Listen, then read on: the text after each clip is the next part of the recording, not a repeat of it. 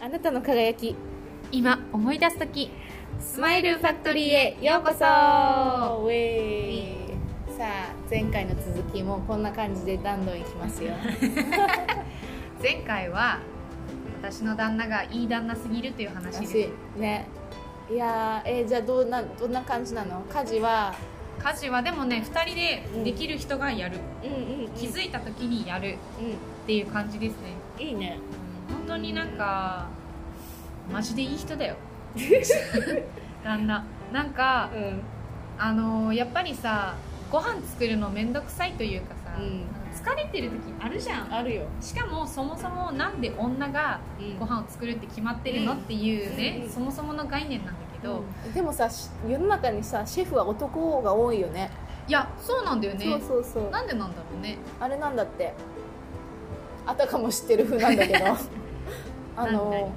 えっと、女性はやっぱり生理とか月経があるじゃないおでそれでホルモンが変わるでしょ、うんホルモンバランスがでそれで味覚とかも変わるあのね変わるからあの一定の安定した、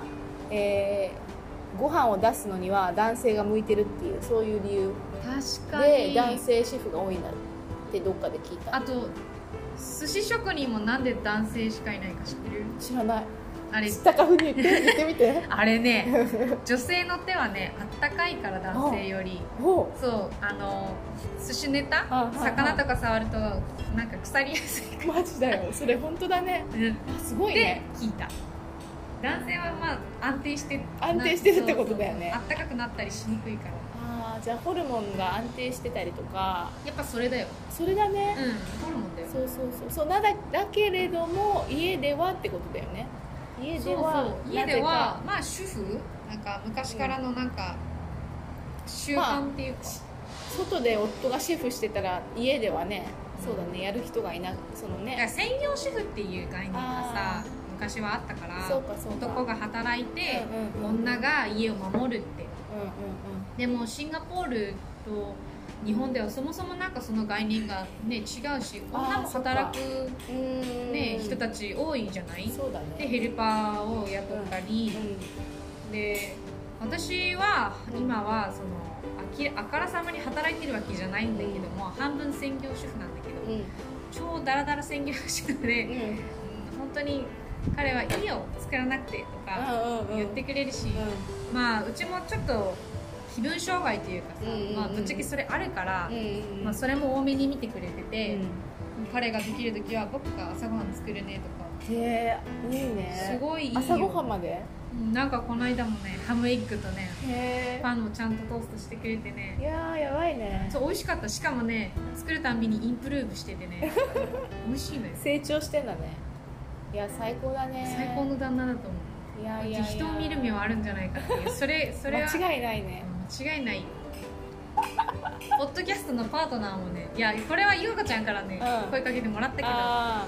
いや、うん、なんかさうちらさキチキチしたやつあんま好きじゃないでも昔は好きだったんだよねだから頑張るぞみたいなみたいなあ頑張るぞなんだけどでも人と同じようなことをするのは昔から好きじゃないよだからあのオーストラリアに留学したのもみんなアメリカに行くからだった し似てるうちと本当あのねみんながやってるようなことやりたくないそうそうみんなと一緒は嫌だっていうなぜか天の弱っていうやつ違う天の弱じゃないよでもみんなと違うことを選択するっていうだけでしょそっかそっか全然違う 天の弱ってなんだっけ天の弱はでもあこれやったらって言われたら、はいい、やいやいや私は別のことやるやるっていうあれやね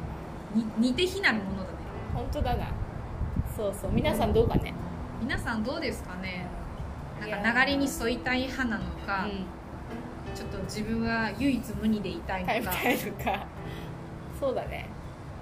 完全に唯一無二でいたいというかあでもみんな割とね割と割とでもみんなさいろいろ混じってるからね、うんでも多分その流れの中に混じるのも不得意なわけではないあのやろうと思えば全然いける器用だねでもそんなになんていうのみんなと違うわりかしみんなと違う方がなんか心は躍るよねうーん心踊る踊ってるうん最近も踊ってる踊ってるトーンで言ってないよねでも踊らせてるよね自分か らあそうかなその意識は大事だし今日もさなんか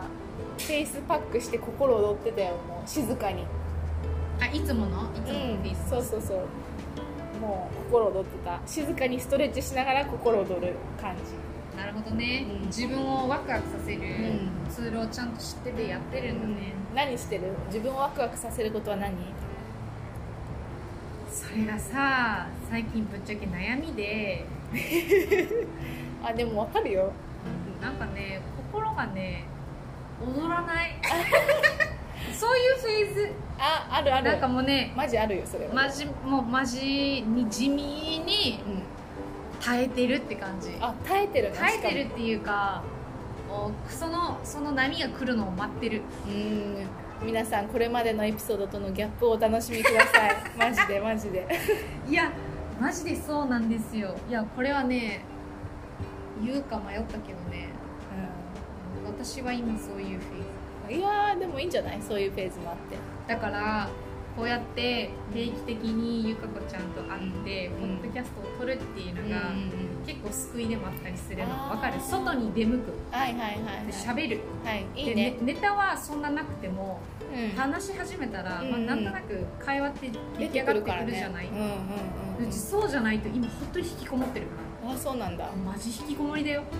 そうずっかとずっと何してんの引きこもってえもう横になってるずっとああ寝てるんだベッねドにえへえそっかまあそういう時期もありますなそうそう、うんだからまあ和江ちゃんは特にそうでしょだってそういうねあれもあるし、まあねそう双極性のやつだから、それが普通っちゃ普通なのよねあー私の人生においてあーいもうはしゃぐ時ははしゃぐしあそうじゃない時はもう全然そうじゃないから、ーまあそれを分かってくれてる家族がいてくれるうんうんうんうんうん近い友人がいてくれるだけでも全然ありがたいよね本当だねそっか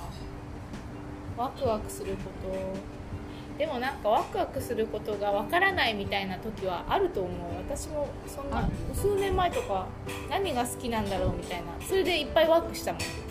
なんていうのそう書き出すとかさだからそれがさ、うんだからすごいんだよだからそうなのちらうちらからしたら普通のことなんだけど、うやる聞いててもやらない人の方が多いみたいなああまあそうだよねなんか数パーセント 100%, 100%のうちうん23%ぐらいしかそれを実行してやる人がいないらしいのようーん聞いたことあるうーんでで数年後に確実になんか変わってきてるじゃんうち数年前はそうだ見そうだたことないけどそうだ話よね聞く限りでは想そ像うだつよくねからそうだなん何でもやってみるとやってみなきゃわかんないとね分かんないよねうんやってみなきゃわかんないなんか成功するかしないかで恐れてるよりもうんその時間を無駄にするよりもうんやってみてうんあ好きやったやっぱり続けようってなればそれでいいしうん違ったなっつったらうんやめればいいわけじゃんうんうんうんうんそれ今今めっちゃ自分に言い聞かせながら喋ってんだけうど、んうんうんなんか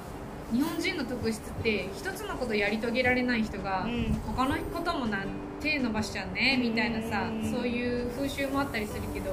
今はそうでもないかもしれないけど昔は私がそれになんかその考えに縛られがちな人だったから、へえなるほどねそうそうそうだからそれはうちの父親によく言われたうち食も転々とするタイプだったから、うんうん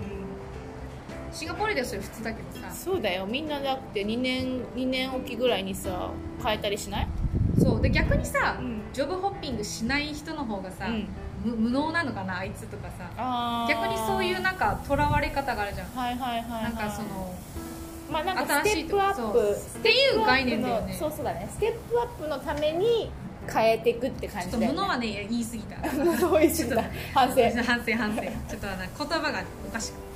そうステップアップのためにジョブホップをする人は結構多いけど、多いけどねあでそれができないがために悩んでたってことあ違うかいや一な個んかのもこうとそをれが私が逆なのよあ逆ねに日本的考えに縛られてたの昔、あ一個のことにな長く携えられなくてーえー、な私ってなんかおかしいのかなと思ってうんなるほどたなんか人付き合いが良くないのかとかうんね、うまく環境に馴染めないのかなとかいや単に飽き性でうんとか別に問題が問題じゃなくなってきたね今の考え方そうだねまあなんか私の数年前の話をすると、うんあのねなんかねあのコーチングの講座を最初に受けた時に、はいはいその人脈とかお金とか自分の地位とか持っているものとかうん全てをかっぱらったとして全て全てあるとしてあの欲しいものは全部揃っているとして、えっと、今やりたいことは何ですかみたいなそういう質問があってねでそれが、まあ、いわゆるその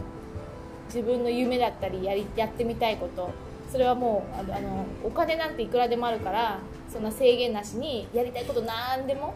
あのか書くっていうのでなんかね7つぐらいしか出てこなかったの難しいよねこれそうそうで